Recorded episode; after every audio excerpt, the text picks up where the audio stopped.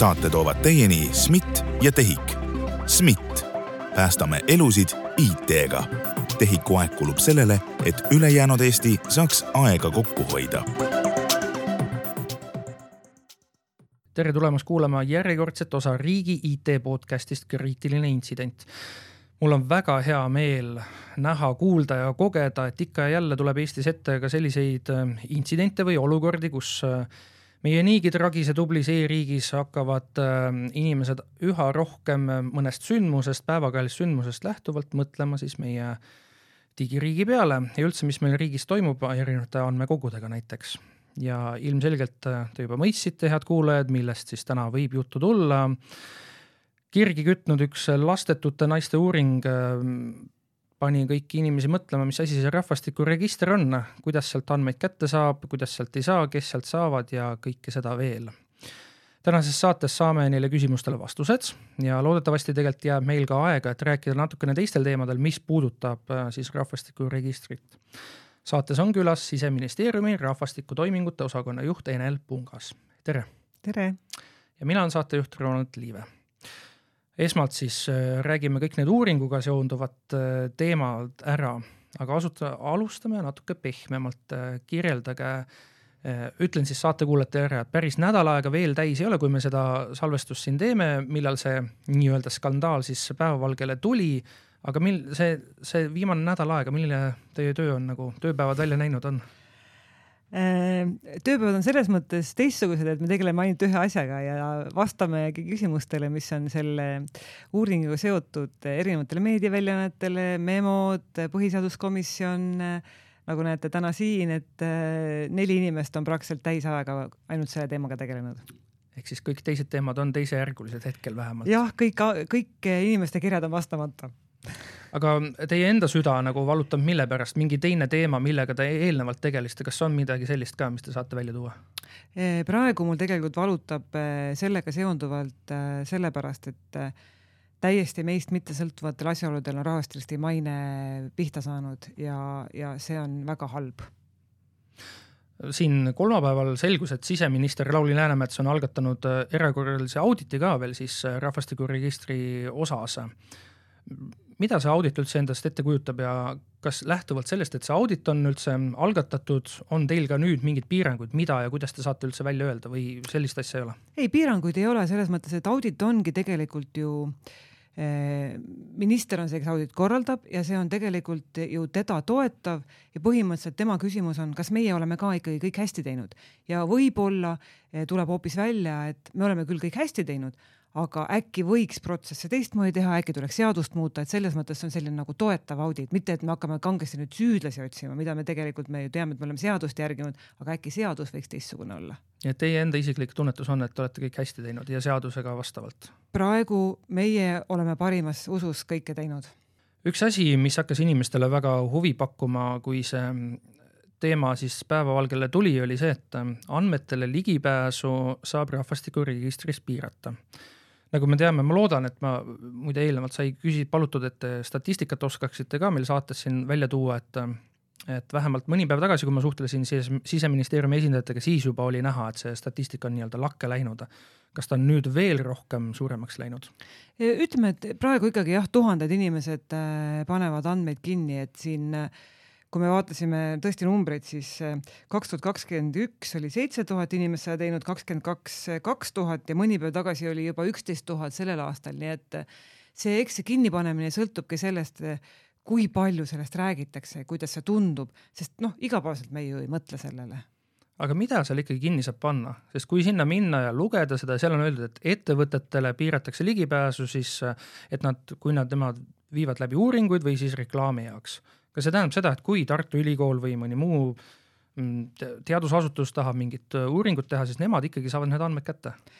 Äh, see on hästi äh, konkreetne piirang, mis seal saab panna, põhimõtteliselt seal piiratakse posti saatmist, paberposti saatmist, et kui mingi mm, erafirma, ma ei tea, keegi tahab panna ka postkastidesse, kus elavad seitsekümmend pluss inimesed, siis eh, erafirma tahaks selleks aadresse, siis neid teie sinna valimisse ei satu, sellisesse reklaami jaoks ei satu, kui seal kinni panna, aga räägime siiski füüsilisest postkassist ja teine, mis on siis uuringuteks, kui erafirma tahab teha uuringut ja saata paberil kutse, siis seda ei saa.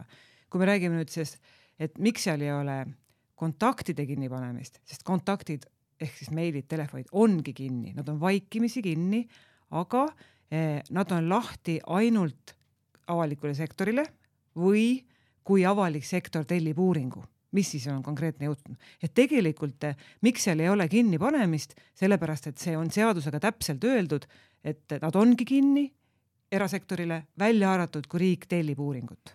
ehk siis selle praeguse näite puhul, selle uuringu näite puhul sellist piirangut ei saagi panna peale, et kui ma olen lastetu kakskümmend kuni nelikümmend neli eluaastas naisterahvas, et minu andmed sinna ei edastataks, sellist piirangut ma ei saa ise kuidagi peale panna ei saa panna, sest eh, riigil on õigus eh, riigiprotsesse uurida ja selleks neid kontakte kasutada seadusest tulenevalt. ja praegu see sihtasutus oli riigi tellimus, nii et selles mõttes oligi riigi, riigi eest saadud andmed ehk siis inimesed on justkui nagu natukene petta saanud? Äh, ma tegelikult arvan, et ei ole petta saanud, sellepärast et äh, meil on selline seadus, mis ongi öelnud, et tegelikult see alles avati, see nii-öelda, et riigi, riik saab tellida erasektorilt sellist uuringut selle aasta algusest. enne oli absoluutselt kinni, mis tähendas näiteks, kui äh, ma ei tea, näiteks politseiamet tahtis uurida kuritegevust siis tal ei olnud võimalik tellida erafirmalt seda, ütleme mingilt uuringufirmalt, ta pidi ise korraldama uuringu, võtma endale andmed, mis ei ole tegelikult ju Politsei- ja Piirivalveameti ülesanne. et see on normaalne, et tema ülesandeks ta saakski selle osta mõnelt uuringufirmalt ja see firma teeb tema eest seda, see on selle volitus.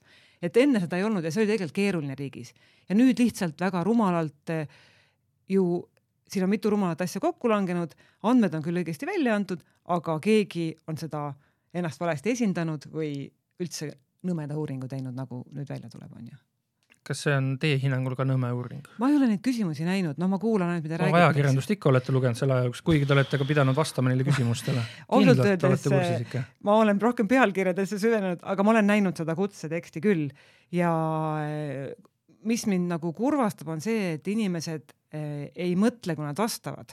Neil oli vabatahtlik see, nad ei pidanud vastama. kui sulle tundub, et see on nõme, pane kinni ja see on nagu üldine ära ava linke, meie küberhügieen on ju, ära ava linke, kui sa ei taha, ära tegele, ära vasta. aga inimesed ise läksid seda vastama ja neil on sellest mure, ära vasta ma tahan natukene sellest kaasusest nagu detailidest rääkida selles osas, et seal ähm, uuringu taotluses oli kirjas, et, et neid andmeid talletatakse kahekümne seitsmeks aastaks ja siis veel minnakse, oli vist jälle oli kas kakskümmend neli või kakskümmend seitse aastat, ma natukene võin eksida siin hetkel, uuesti tagasi nende naisterahvaste juurde, kes aastal kaks tuhat kakskümmend kolm olid kahekümneaastased ja vastasid sellele küsitlusele. ehk siis nii kaua selle suure aja jooksul peaks neid andmeid kuskil talletama.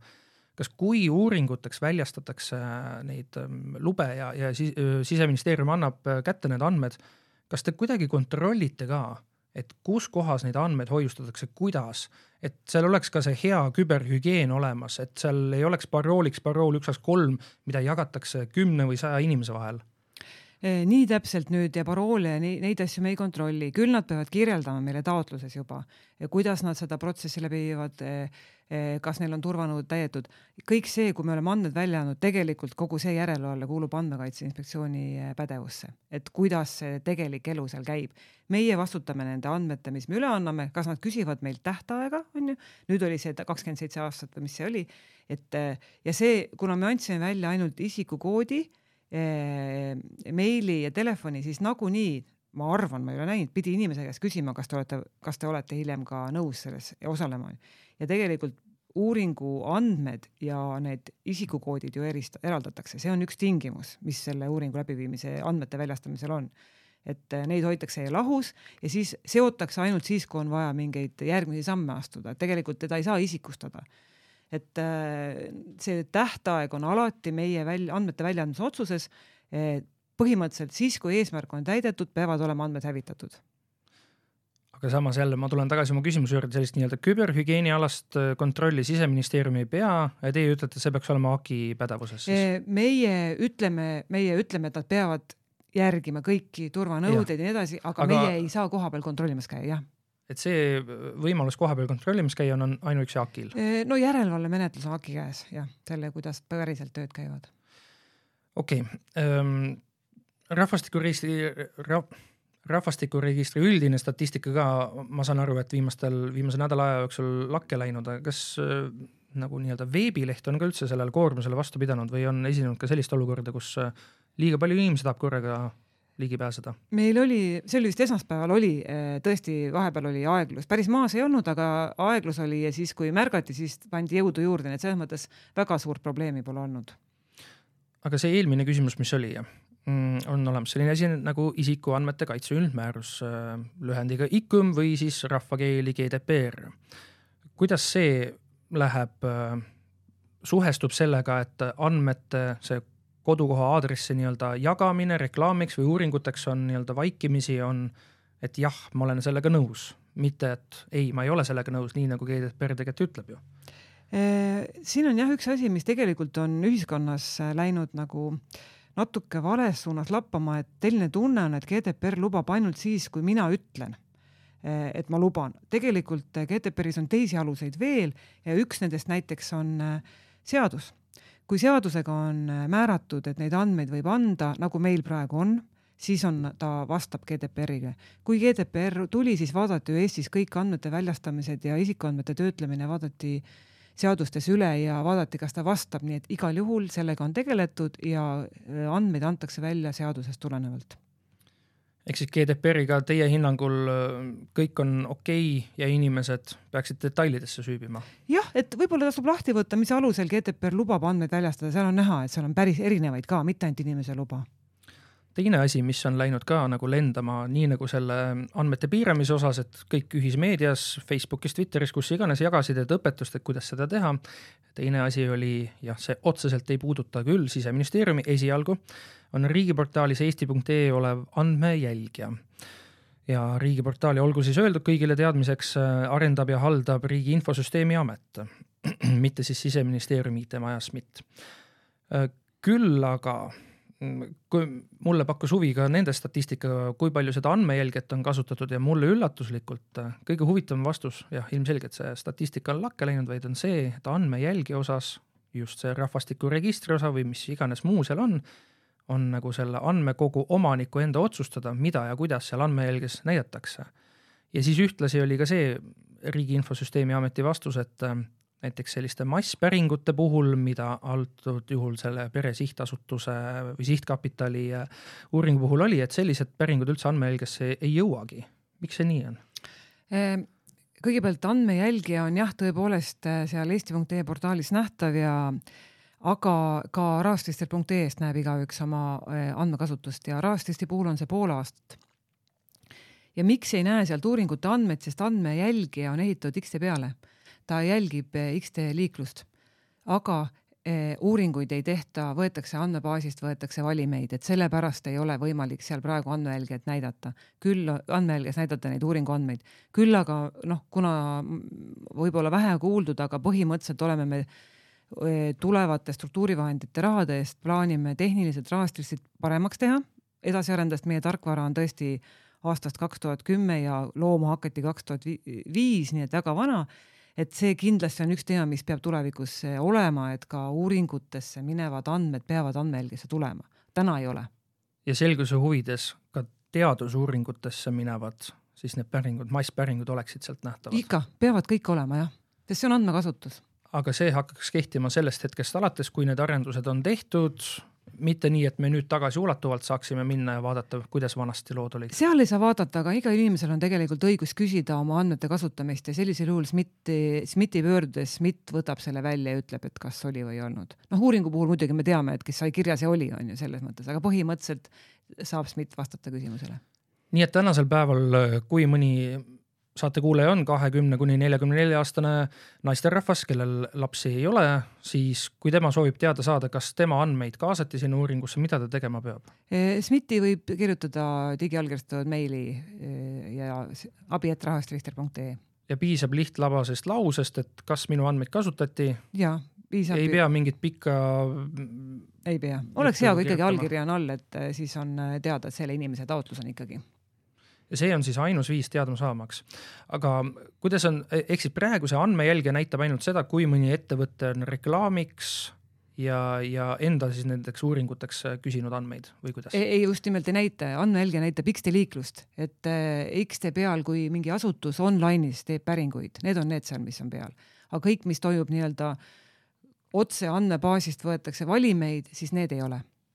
ehk siis see andmejälgija on kasutu ei ole kasutuses. Tegelikult, eh, kui me vaatame, et reklaamiks on sellel aastal kaks korda eh, üldse andmeid küsitud, siis eh, meie kõik need miljonid päringud tegelikult on X-tee peal ja enamus kasutust on ju seal.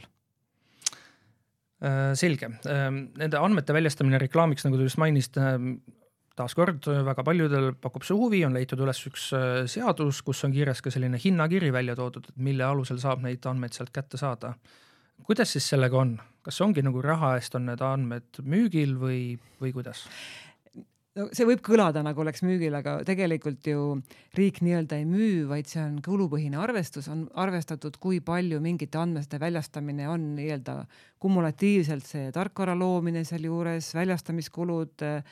Eh, ja see on eh, hinnastatud ja tõepoolest näiteks kui teie tahate minu andmeid küsida, siis teil on eh, seal määratud hind, millega te saate nagu tulla, avaldada, maksta ja siis otsustatakse, kas minu andmeid väljastatakse või mitte ja see on tasustatud, sest seal taga näiteks on ametnik.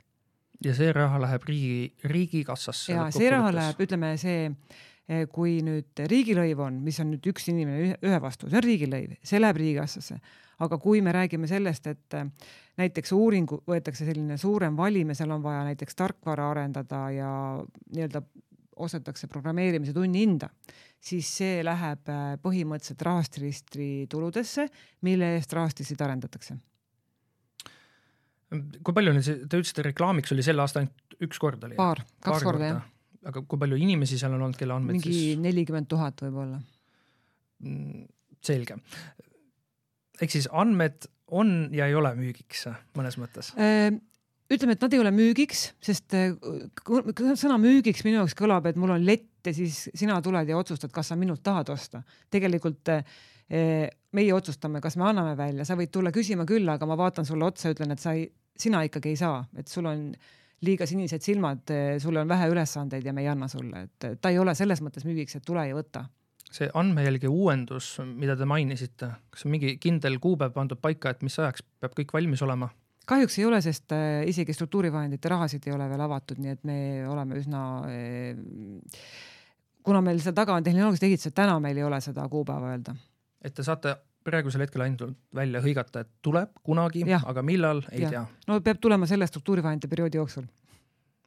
loodetavasti siis. loodetavasti ma tahtsin ühte asja veel küsida, me nüüd vaikselt hakkame sellest uuringust äh, eemale liikuma.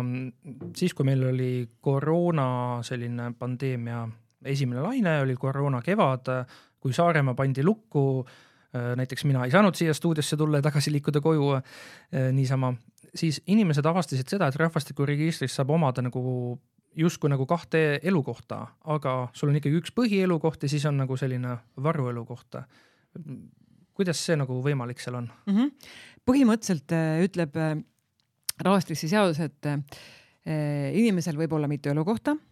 ta saab kõik need rahvastikusse kanda, aga see üks, mille alusel ta siis valib, kus tema maksud lähevad, kus tema teenused on, on nüüd siis see elukoht. Need teised on lisaaadressid, neid võib olla nii palju, kui teil on, suvila, vanaema kodu, mis iganes te tahate ja ja see, kuidas neid eh, lisaaadresse kasutatakse, ei ole rahvastikuseaduses määratud. aga näiteks valimiste puhul me kasutame, kui inimesel põhielukohta ei ole, aga on lisaaadress, siis me kasutame seda või viibimiskohta kasutame, meil on viibimiskoha mõiste ka veel näiteks, kui keegi on hooldekodus. et tegelikult nagu näha oli, läks kasutusse eh, Saaremaa siis eh, koroona ajal ehk neid andmeid on ja, ja need andmed on hea hoida, nagu näha, Saaremaa oli hea, kui see oli olemas, oli vajalik, et äh, igal mm, er, sellel ametiasutusel on võimalik neid ise hinnata, kuidas ta neid kasutab, et mis on tema nende kasutamise, saab oma õigusaktiga määrata, näiteks mina selle lisaaadressiga, ma ei tea, hakkan lastetoetust maksma, noh, võib-olla onju et, et selles mõttes on hea, kui see olemas on, kui tõesti püsivalt elad mitmes kohas ja ütlebki, et kui sa elad püsivalt mitmes kohas aga nii nagu selle uuringu puhul hakkas ka toona Saaremaal levima siis nii-öelda nipid või trikid, et kuidas seda süsteemi saab ära kasutada, et äh, mina mäletan seda päris palju, oli see, kuidas inimesed hakkasid kirjutama, aga et nende teine elukoht asub äh, Sõrve tuletornis, ehk siis mingit kontrolli seal otseselt pole. ma võin panna ükstapuha millise aadressi sinna sisse. Äh, põhimõtteliselt jah, sest meil on taga aadressiandmete infosüsteem ja kõik need aadressid, mis seal taga on kui me elukoha registreerimist räägime, siis meil on seal äh, kinnine see aadresside loetelu, iga uus aadress, mis tuleb näiteks äh, kohalik omavalitsus peab nii-öelda ADS-is selle määratlema ja me alles siis lisame selle aastaristisse, et see on hästi kinnine. aga kuna lisaaadress oli selles mõttes sellel ajal väga eh, noh, vähe kasutatav ja, ja inimesed ei lollitanud sellega, see tegelikult oli lollitamine, onju. Ja me oleme kontrollinud seda, me pärast seda puhastasime ka neid lisaaadresse, et põhimõtteliselt eh, me oleme nüüd ka seadust muutnud ja omanik saab äh, hakata ütlema, et äh, siin ei ela neid inimesi, muidu isegi omanik ei saanud teada, et tal sellised inimesed on registreerinud sinna, eks ole. aga me kindlasti ei piira seda lisaadressi määramist, sest võib-olla seal Sõrve tuletornis ongi sul madrats maas pool aastat, aga me tegelikult ei tea ju seda, noh üks asi, mis mulle pakub väga huvi, on rahvastikuregistris nüüd pool aastat umbes on olnud olemas äh, ütlen lihtsustatult, ma tean, et äh, teie kõrvad ei naudi seda sõna, kui ma ütlen või seda sõnafraasi on e-abiellumine. et ähm, see funktsioon on seal olemas olnud, et sa saad abiellumise avaldused mm, digitaalselt esitada, ei pea kodust lahkuma ja kõike seda. kuidas selle statistika nüüd välja näeb, et äh, kas inimesed on seda ka hakanud väga agaralt kasutama? Kõigepealt see e-abiellumine, mul tegelikult see meeldib, me ise kasutasime e-surm, aga see oli veel napakam selles mõttes. Et ehm, see on e-abielu avalduse esitamine jah, et tegelikult abielluda tuleb tõesti tänasel päeval veel füüsilises maailmas. aga mul on just eelmise kvartali numbrid ees ja kuuskümmend kuus protsenti abieludest ja see on ka nagu juba läbiv selle aasta jooksul eh, suurusjärk, on eh, abieluavaldustest on esitatud eh, e-teenusena. siin on muidugi see, et meie, meie see mm, abieluavalduse äh, esitamine on veel natuke kohmakas, sest seal taga see broneerimissüsteem, mis seal kohalikus omavalitsuses, kas ma kus ruumi saan, kuhu ma lähen, on meil selline, et sa kirjutad selle, sa ei saa kalendrist määrata, et me püüame aasta lõpuks saada sinna nii-öelda eh, broneerimissüsteemi ka taha, et tõesti sa näed, millised kohad, ajad kalendris on vabad. Et eh, tundub, et see on hästi vastu võetud mõned kuud tagasi kriitilise intsidendi saates me rääkisime, terve saate pühendasimegi ka sellele teemale või enamuse osa saatest, vabandust. ja siis oli saatekülaliste selline noh, jäi õhku te teoreetiline võimalus, et keegi naljamees hakkab taaskord, nagu meil siin juba kaks kaasust on läbi käinud, inimestele meeldib nalja teha. Et vaatab, et äh, teleris on äh, üks saade, kus äh, vallaline kaunitar otsib endale peigmeest ja siis hakatakse lihtsalt pommitama, inimesed nagu saadavad neid avaldusi ühele konkreetsele inimesele, on, kes iganes ta on ja siis see inimene peab sellega tegelema. kas see on nagu reaalsuseks saanud, et keegi on üritanud seda süsteemi kuidagi väärkasutada või pigem mitte? Äh, ei ole teada, et oleks keegi üritanud ja selleks me tegimegi natuke protsessis muudatuse, kui normaalsel juhul kaks inimest äh, tulevad avaldust esitama, siis see riigilõiv võiks olla kõige lõpus. aga me oleme riigilõivu toonud esimese inimese juurde no ma ei tea, kui palju neid inimesi on, kes valmis raha eest lollitama on, et, et see lollitamisvõimalus on sellega tõenäoliselt maha tõmmatud ja seal on ka hoiatused juurde, nii kui ta seda inimest eh, ka eh, hakkab lisama, on seal hoiatus, et see läheb teise inimese andmejälgijasse, ta näeb seda, et te olete seda teinud, et selles mõttes nagu selliseid inimes-, no sellele on ühesõnaga mõelda, et kuidas võimalik on selle vastu võidelda. ja see summa on, mida ta peab kohe esmasena maksma? suurusjärk? kolmkümmend, kuskil kolme, kolmekümne ja viiekümne vahel kuskil, ma täpselt praegu ei mäleta. kas on näha ka, et äh, näiteks mehed või siis naised on agaramad selle abieluavalduse esitajad? Ei ole mul praegu täpset statistikat, aga me oleme vaadanud ikkagi, et mõlemat pidi jookseb, sest noh, mõlemad peavad nõus olema, et, et küsimus on, kumb alustab, eks ole. et äh, ei ole väga selget soopõhist äh, suundumust näidanud kas äh, sealt on näha mingit vanuselist erinevust, et need, kes on nooremad, nemad on aktiivsemad selle kasutajad ja need, kes on vanemad, mitte nii väga? no sellele vastamiseks peaks nagu võrdlema siis äh, seda paberavalduste paletti, et kas seal on, kui vanad need inimesed on, aga oleme näinud küll, et päris vanad inimesed ka esitavad elektroonilisi avaldusi, et ei ole midagi, et meie vanem põlvkond on e-võimetu, ei ole. Ja ka vanad inimesed abielluvad. ja abielluvad ka. Vähemalt avaldavad üks asi, mis meil siin hiljuti sai vastu võetud, on siis äh, ka samasooliste abielude ja see eeldab ka, et äh, seal e-abiellumise funktsioonis oleks ka see võimalus, sest praegu on just see, et ta kontrollib, et üks ähm, kaasadest oleks äh, meessoost, teine oleks naissoost. edaspidi siis noh, seda kontrolli, kuna seadus muutub, ju tegelikult enam ei pea tegema. kas need arendustööd on töös ja või on juba tehtud või kui kaugel ollakse nendega? Need arendustööd on analüüsitud, meil on see list, mis koos selle abieluvõrdsuse seadusega eh, kaasa tuli väga pikk, sest see on ainult lihtne näide, et siin on tegelikult kogu menetlustarkvara ja see ulatub välja mitte ainult abielusse, vaid ka elukohta, eh, sest seal on ka, kes elavad ühel pinnal, keda loetakse pereliikmeteks see ulatub lahutusse, see ulatub välisriigi dokumentidesse, see ulatub andmevahetusse abieluvara registriga, et seal on tegelikult, me oleme hinnanud kuskil suurusjärk poole miljoni eest töid. meil on analüüs tehtud, väikest viisi oleme hakanud alustama, aga meil on veel probleem, meil pole raha. ehk siis te ootate, et poliitikud annaksid raha juurde? jah, praegu läbirääkimised käivad.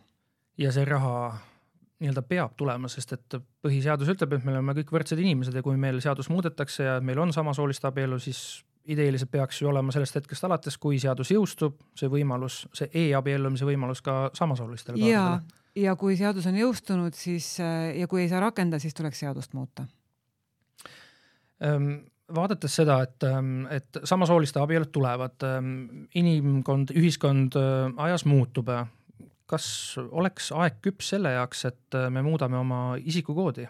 meie isikukoodi algus määrab ära meie soo mm. -hmm. kas Eesti on valmis selleks, et meil oleks sooneutraalne isikukood? Äh, hästi palju küsitakse teoreetiliselt seda, hästi palju küsitakse ka selles vaates, et äh, nüüd see Euroopas liikuv andmevahetus osades riikides tõesti on lubatud mitu sugu ja osades riikides eh, öeldakse, et sooandmed on nii tundlikud, et me hakkame, kui me siin hakkame andmeid vahetama, siis me teile ei anna sooandmeid, aga meie isikukood tõesti nõuab seda. Eh, see on teoreetiline praegu, aga kuna see on eh, isikukoodi põhine on kogu Eesti riik, siis see on kohutavalt kallis. päris mitmed riigid ei ole nii teinud, et nad on võtnud teise isikukoodi nii-öelda asenduse plaks ära teinud, vaid võetakse teine isikukood, Läti näiteks võttis teise isikukoodi ja pani kõrvale.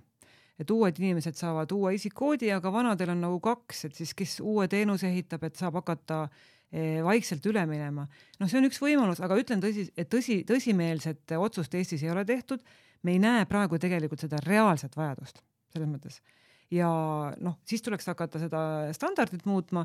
nüüd on küsimus, kas me suudame kuidagi seda standardit muuta nii, et me teeme võimalikult vähe infosüsteemidele haiget, et me mahume mingisse samasse kombinatsiooni või et me suudaks siiski ellu jääda, sest ma kujutan ette, et me kui öeldakse, et homme muudame isikkoodi, meil on üheteistkümne numbri asemel kakskümmend viis, siis me kukume kõik sinna põhja Eesti riigiga. aga kui me lihtsalt muudame seda esimest numbrit me lepime kokku, et äh, paneme sinna üheksa, kõigil edaspidi on nüüd üheksa, algab üheksaga. no siis me peame ikkagi kõik koolid ära muutma, sest selle üheksaga kõik muud tagumine ots saab pihta minna nelja, kolme, viie, kuuega, et sellest ei piisa, me peame ümber arvutama ikkagi kõik. mulle meenub äh, vaid üks äh, selline sotsiaalteenus, mida riik osutab, mis on siis seotud sellest, et milline sugu inimesel on, on, on siis raseduspuhkus, sest bioloogiliselt Äh, ei saa ju mehed äh, raseduspuhkusele jääda. ehk siis see oleks nagu ainus äh, e-teenus, mille puhul see isikukoodi või see sooteema võiks nagu küsimuseks tulla. Teoreetiliselt, kui hakata nagu ilmselt süvenevamalt mõtlema, siis sünni registreerimisel on ka ema-isa, eks ole, et seal isa peaks ikkagi olema meessoost tänasel päeval, me ei lase isegi see abieluvõrdsus ei lase nii-öelda sündi registreerima teist naist, ta tuleb teist kaudu läbi lapsendamise abiellumisel nüüd on vaba, eks ole, ja aga noh, ma ütlen, et eh, teoreetiliselt jah, tõenäoliselt on vähe asju, kus päriselt soost asjad suht-, sõltuvad, aga eh, siiski on eh, meil ka sugu teinekord vaja isiku tuvastamiseks, noh, kood koodiks, aga mõnikord tulevad inimesed ainult nimi ja sugu ja meil on samanimelisi, me kohe laiendame valikut, kui me sugu ei tea et eriti kui Euroopast tulevad mingid või noh, tuletan meelde, näiteks me peame Euroopa Liidu parlamendi, Euroopa Parlamendi valimistel me vahetame riikidega andmeid ja teadaolevalt äh, Eesti on e-riik, aga väga palju Euroopa riike võib e-eest ära võtta, on ju, on riigid. ja siis äh, näiteks Inglismaa saadab meile nimekirjas viis mingit Ivan Ivanovi, ei sünniaega, mitte midagi rohkem. mis sa teed sellega? ei sugu, sünniaega. No mis sa teed, sa ei teegi midagi tegelikult ja see ei ole normaalne. et oleks vähemalt sugu, no ma, ma saan aru, Ivan on mees, aga no põhimõtteliselt on kahesoolisi inimesed ka. et äh, ta isiku tuvastamisel siiski vähendab kahekordselt, eks ole, seda eksimust seesama, see sünni registreerimine rahvastikuregistris, mida te mainisite aastaid tagasi, kirjutasin artikli, kus oli ka teie kommentaar oli olemas, et äh, vähemalt toona oli see, et kui sa läksid sinna sisse, logisid sisse, sa panid lapse isikukoodi ja siis ta kohe näitas sulle selle lapse ema nime. kas see on endiselt niimoodi, nagu ta oli aastaid tagasi või on seal mingi muudatus toimunud? seal ei ole muudatust, meil ei ole ühtegi äh, nagu pahatahtlikkust ka olnud, ma saan aru, et see oli teoreetiline võimalus, on ju, et see, mitte teoreetiliselt praktiline võimalus, aga inimesed ei kasuta seda Eh, sest sa pidid teadma, välja mõtlema selle isikukoodi, ma saan aru, see on võimalik. isikukoodid muide on avalikud. ja, ja no sest see ütlen... meie kogu digiriik põhinebki isikukoodidele. nõus, aga noh, ütleme, et sa pidid teadma seda lapse isikukoodi, kes oli sündinud, mõtlema välja. isikukoodid selle. on avalikud. jah, ei, ma ei vaidle selle üle, aga ma ütlen, et e, ainus, mis sa saad seal tõngitseda, eks ole, on selle ema nimi. E, kui sa saad pihta selle. no ja siis no ja siis näiteks toona oli see, et ma läksin, vaatasin kõik inimesed tänapäeval on agarad ühismeedia kasutajad. Ja kui inimene ei ole oma, muidu aktiivselt jagab igasugu uudiseartikleid, pilte oma elust ja niimoodi, ja selle viimase üheksa kuu jooksul ei ole teinud ühtegi postitust selle kohta, mis viitaks, et inimene on üldse lapseootel ja veel vähem seda, et ta nüüd on ka lapse sünnitanud ja toonud siia ilma ja siis ikkagi võõras inimene saab läbi rahvastikuregistri näha, et ta on just värskelt emaks saanud ma ei tea, selles mõttes kui te saate teada, et teile täiesti võõras Peeter Paan on saanud emaks, noh, ütlesin juhusliku nime onju, kogemata oli meessoost ka veel, et on saanud emaks, siis äh, mis siis, mis te selle teadmisega peale hakkate? täiesti võõras inimene kuskilt Kükametsast ja mis siis, et seda teate? kas see kuidagi ei ole nagu privaatsusriive ikkagi? aga no me, ma räägin ikkagi, et me räägime, eks ole, teoreetilisest, esiteks õngitsemisest, teoreetilisest siin ongi see kaal, et kas me teeme inimestele e-teenuse mugavaks, kohmakaks ja mis on need kaalud. ja tookord otsustasime ja siiani oleme otsustanud, et see, et ikkagi eh, te-, sünniteenust kasutab kaheksakümmend kaks protsenti e-teenust, eks ole, mis tähendab seda, et see on aastas eh, suurusjärk mingi kaheksa tuhat, kaheksa-üheksa tuhat inimest, kaheksa-üheksa tuhat vanemat kord-, last korrutame kahega, ikka inimeste arv on suurem, et siis äh, nende mugavus mõne hullu või, või imeliku häkkeri vastu, kes tegelikult selle infoga noh, ma sain teada ja siis on ju, et tegelikult on ju hea, kui teenus on mugav, et sa ei pea hakkama neid andmeid sisestama selguse huvides olgu öelda, et, selleks ei pea häkker olema vabandust, jah. et äh, kuna ma tulen ikkagi selle juurde tagasi, ma ei, ma ei taha, et meil mingi sõnasõda meie vahel tekiks ju niimoodi, et isikukoodid on avalikud, meie digiriik põhinebki isikukoodidel, et me saaks nii-öelda süsteemis kontrollida, kas kõik on ikkagi nii, nagu on öeldud, et on ja SK ID Solutions on see ettevõte, kes meie kogu digiriiki suuresti hoiab äh, üleval äh, ja neil on avalikult kättesaadav andmebaas, kus kõik isikukoodid on kättesaadavad. aga las see jääb praegu kas muidu andmejälgest on seda näha, et kui rahvastikuregistris on keegi sünni registreerimist algatanud, et nüüd näiteks mina, Ronald Liive, üritas siis teie lapse enda nimele kirjutada? Äh, nüüd on küsimus, kui see emaga juba seotud on, kui see paistab ema vaates välja, siis on, aga tõenäoliselt alguses on ta, eks ole ju lapse andmejälgija poole, kui te sinna vaataksite, eks ole, et ei ole teie, noh, et ema ja laps ei ole enne seotud, eks aga jah, need kõik need eh, e-teenuse päringud on kogu aeg eh, andmelges kas need on ka nii, nagu te varasemalt mainisite, selle uuringuga seonduvalt, et eh, pool aastat oli see aeg, kas seal on ka pool aastat või seal on see ajalugu pikem? andmejälgis on pool aastat, aga me hoiame muidugi kauem. nii et kui keegi soovib teada saada, ehm, et kas Ronald Liive on proovinud nende last siis nii-öelda omaks võtta, siis siseministeeriumile jälle see lihtlabane jah, või SMIT-ile vabandust jah, see e-kiri saate ja siis te saate teada. Äh, rahvastikuregistris on veel väga palju huvitavaid ähm, nii-öelda teenuseid, siis on, on ka see eesnime kontroll oli ja mis äh, mulle pakkus küll väga-väga suurt äh, huvi. kuidas sellega on, kas see pakub ka inimestele huvi või, või mitte? see on selline teenus, mida me uuendasime, ma ei mäleta, kas aasta tagasi või, et kui varem oli see teenus jooksis ametniku juurde kohe, et mina küsisin oma nime ja siis ametnik pidi nagu vastama mõttetule küsimusele, siis oli selge, et see oskab, et see vastab, siis täna meil on seal automaat taga, Eh, kui eh, meil on eh, lubatud nimede nimekiri, ütleme rahvastriste nimede nimekiri ja siis, kui seal ei leita, siis läheb ametnikule, et meil on näiteks see ma vaatasin eelmise kvartali statistikat, et kui kakssada viiskümmend üks nimesobivuse päringut tehti kokku, siis nendest circa kakssada jooksis automaati ja viiskümmend jõudis siis ametnikuni, et kes siis ja seal, seal on ka sellist lollitamist, ütleme nii, et seal noh, tegelikult eesmärk on ju see, et kui sul laps sünnib, et sa oleksid kindel, et sa saad selle nime panna juba ette, siis inimesed äh, õngitsevad äh, lihtsalt ka oma lõbuks, aga noh, sa ei tea seda, ametnik ju ei tea seda sel hetkel, kui see küsimus tuleb, ta võtab seda tõsiselt, siis küsib Eesti Keele Instituudilt, Eesti Keele Instituut teeb plõks-plõks silmadega, kas tõesti selliseid asju küsitakse, aga no me vastame ausalt ära alati siis, kas saab või ei saa. ega teil mõnda näidet ei ole tuua? ei, kahjuks ei valmistanud ette jah. see on väga huvitav e-teenus, mida ma tõesti soovitan kasutada, proovisin seal igasugu ka variante, mille puhul kõik äh, said rohelise tule. ma kujutan ette, et seal lihtsalt ta vaatabki, et kas see nimi on varasemalt mõnel eestlasel juba olemas ja kui on, siis, siis nagu küsimust pole. just, ta läheb vastu nimekirja kontrollima. siis oli veel üks, oli, oli surma kontrollimise siis teenus ka ja seda ma nagu vaadates seda, et aeg-ajalt ajakirjanduses ilmub artikleid, kus on jälle, et keegi on lahkunud meie seast ja siis mõni kuu hiljem nende, nende siis lähedased saavad äh, mõnelt inkassolt saavad kirja, et palun makske võlg ära ja siis selgubki, et äh, peale surma on nendel näiteks telefonileping, internetileping, mis iganes, veel seal mitu kuud jooksnud ja siis alles lõpus nagu kaasatakse sinna inkasso ja kõike seda. aga samas, kui meil on rahvastikuregistris see surma kontrollimise äh, võimalus on olemas, miks ettevõtjad ei kasuta seda mm,? ja siin on mitu asja, et äh, meil tegelikult ei ole see, mis me nüüd räägime e-teenuses olevast, peab inimene, see on nagu käsitööteenus.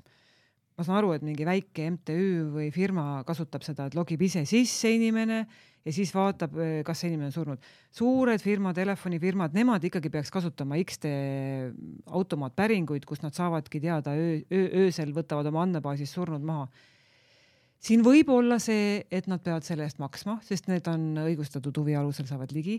Ja sellepärast me oleme mõelnud, et võib-olla järgmine samm, kui me jõuame nii kaugele, on, et teha surmaandmed avaandmeteks ja siis noh, võtaks selle müüri vahelt ära, sest praegu on kas X-tee teenus müürina ees, noh müürina, aga ütleme võib-olla ka raha natuke. Ja teine asi siis ise sisse logimine, et tegelikult on ju tegemist avalike andmetega, surmafakt ei ole salajane tulles tagasi selle meie teema, meie saate esimese teema juurde, siis ähm, ja, ja seoses sellega, et kuidas siis riik justkui nagu müüb andmeid või siis ka ei müü, seal oli see funktsioon, et on olemas nii-öelda online ja offline viis, et kuidas neid andmeid kätte saab. kas see surmaregistri puhul, selle puhul oleks nagu kõige parem, et ongi nagu mingid ettevõtted, kellel on nagu online'is, et iga kuu siis enne arve väljastamist käiks selle ju läbi ja? või ma arvan, palju rohkem, kui on äh, iga kuu, et äh, surmainfo. no arvet väljastatakse üks kord kuus selles mõttes. arve mõttes küll, eks see on iga asutuse otsustada, aga me oleme valmis seda ju iga öö andma, et andmebaasi puhtana hoida, võib-olla neil oleks vaja ise proaktiivselt midagi selle inimese andmetega teha, kinni ära panna, et ei tehtaks valekõnesid, et tegelikult on see igaöine, ma arvan, mõistlik suurte firmade puhul. aga mida see online andmeteenus rahvastikuregistris endast üldse kujutab? ei, meil on hästi palju neid teenuseid, saab ju nii, et sa küsid oma kliendibaasi vastu rahast ristit ja küsid, kas seal on inimesed surnud või mis sul vaja teada on. aga, aga on ka selline teenus meil, et öösel nii-öelda paneme üles isikukoodid ja anname lihtsalt teada, et nende inimestega midagi toimunud. ja siis noh, pank näiteks valib sealt need, kes on tema lepingupartnerid, kes on temaga lepingu sõlminud ja küsib siis täpsemalt, aga mis siis oli noh, vastu on ju, rahvast aga mis juhtus siis temaga ja siis võib tulla, et öeldakse, et kas nimi muutus, elukoht muutus, on surnud ja sa saad oma andmebaasi täiendada, et selline nii-öelda eh, vahend on ka, et kuidas oma andmeid korras hoida. kui palju neid online kasutajaid on? no üldiselt meie X-tee päringuid on kakssada kolmkümmend andmekogu üle, noh, need, need on ikka seal suured andmekogud, eks ole, kakssada kolmkümmend oleme siin praegu lugenud, aga seal asutusi on rohkem, ütleme, see oli ainult see X-tee teenuste kasutajad, aga noh, neid vorme on veel. Et selle online'i puhul, kuigi nagu lugedes võib jääda mulje, et see annab sellise kakskümmend neli seitse ligipääsu, ma nüüd mõtlesin, et oi, tahaks vaadata seda, teist ja kolmandat, siis te käsi südamel ütlete, et sellist funktsiooni seal ei ole. On ikka, selles mõttes, et siin on erinevaid päringuid, see, mis ma praegu rääkisin, oli selline masin masina vastu öösel. aga kui näiteks te lähete Politsei- ja Piirivalveametisse oma dokumenti taotlema, siis see ametnik, kes seal laua taga on, teeb kohe päringu rahast risti, sest ta peab ju teadma, kas Eh, kas tänasel hetkel, sel hetkel, kui ta seal on, kas, mis ta nimi, kas te olete nime vahetanud, mis teiega on? okei okay,, see on nagu riigiasutustele, kas seal on ettevõtetele? ka ettevõtted saavad seda, pank näiteks, kui te täna lähete lapsele arvet avama, pank tahab ju teada, kas see on teie laps. normaalne, et ei pea dokumenti viima, vaid küsitakse rahast ristist kas kuskil on nimekiri, avalikult kättesaadav nimekiri neist ettevõtetest, kes omavad rahvastikuregistrisse online andmeteenuse kaudu ligipääsu? ma arvan, et ei ole avalikult, aga kui te küsite, siis me leiame teile selle. kas te leiate, et aastal kaks tuhat kakskümmend kolm siin augusti keskpaigas, kui meil on just selline aktuaalne kaasus olnud, võiks selline nimekiri olla äh, siseministeeriumi veebilehel avalikult kättesaadav iga hetk ja uuendatud ka? Teoreetiliselt jah, see nõuaks ka, et iga hetk uuendatud tähendaks, et seal peaks midagi taga olema, meil sellist asja seal taga ei ole, et see nõuaks midagi ehitamist. et äh, see ei ole halb mõte ja võib olla üks nendest äh, meie tuleviku avaandmete mõtetest, mida me mõtleme, meie järgmine äh, avaandmete asi, mis tuleb aasta lõpuga on, praegu on meil ainult avaandmetena ees- ja perekonnanime päring ütleme ees- ja perekonnanimede loetelu, ütlemata, kas ta on ees- või perekonnanimi. aga eh, me ise tuleme aasta lõpus välja veel eh, abieluavalduste, menetluste nii-öelda loetelu, palju on esitatud, eh, palju tagasi võetud, kus esitatud ja nii edasi. et avaandmed on selles mõttes, kuna me ise ehitame andmeladu alles selle aasta lõpuga valmib, siis me saame sinna peale hakata ka avaandmeid ehitama, meil tegelikult ei olnud enne tehnoloogiat ka, millega seda teha. millal tuleb ära e-lahutamine? Tuleb järgmise aasta lõpuga. ja. aga ainult avaldus.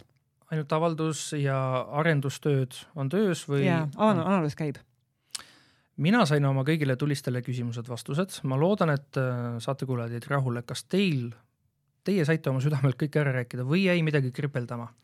ma tahaks seda öelda, et tegelikult vaadake oma andmed üle, et äh, minge e-rahastisse sisse, vaadake, kas teie kontaktid on õiged ma tuletan meelde, et näiteks eesti.ee lõpetab oma eh, nimega meilid. Eh, tuletan meelde, et hotid, kõik need praegu kukuvad maha, vaadake, et teil oleks eh, okei okay aadress, sest te võite jääda väga olulistest asjadest ilma, kui teie me rääkisime siin, et äkki keegi kasutab halvasti, aga reaalselt ju riik kasutab teid igapäevaselt, teie andmeid. ma ei tea, mul on tuttavaid, kellele politsei on helistanud, et Äh, auto on praegu ees, siin tehakse midagi, tulge viige ära, kõik see on ikkagi meie andmete pealt käib, et äh, hoidke korras ja teiega on ka elus paremini kõik. lõpetuseks natukene torkavalt siiski. Ähm, üheksakümnendate lõpus oli üks selline asi, mis levis inimeste seas, oli Perli andmebaas. kas te saate, julgete lubada, et tänapäeval sellist asja ei saa juhtuda, et äh, oleks selline andmebaas, mis on tegelikult on riigi käsutuses, oleks kadakaturul müüakse lihtsalt CD-na.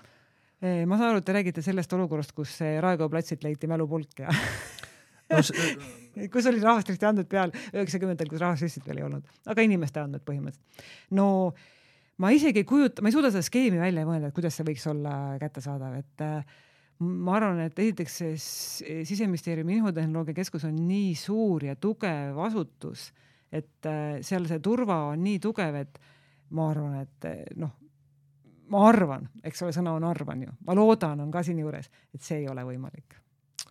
ma loodan, et ka need andmed, mis on uuringuteks väljastatud, on küberhügieeniliselt ilusti ja turvatud ka ja ma loodan, et AKI ei ole ainus see asutus, kes läheb alles siis, kui toimub järelevalvemenetlus, vaatama seda.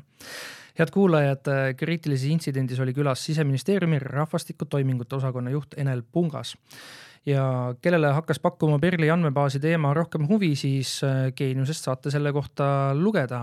Ja head kuulajad, äh, saan ka selle välja lubada, et järgmises saates on meil külas Eesti IKT sektori katuseorganisatsiooni ITL-i tegevjuht Doris Põld kellega vestlen sellest, kuidas äh, näeb riigiga tehtav lobitöö välja ja kuidas ja millist tööd ITL teeb selle nimel, et Eesti saaks maailma innovaatilisemaks, turvalisemaks ja tõhusamaks digiriigiks. mina olen saatejuht Ronald Liive ja kohtun teiega uuel nädalal.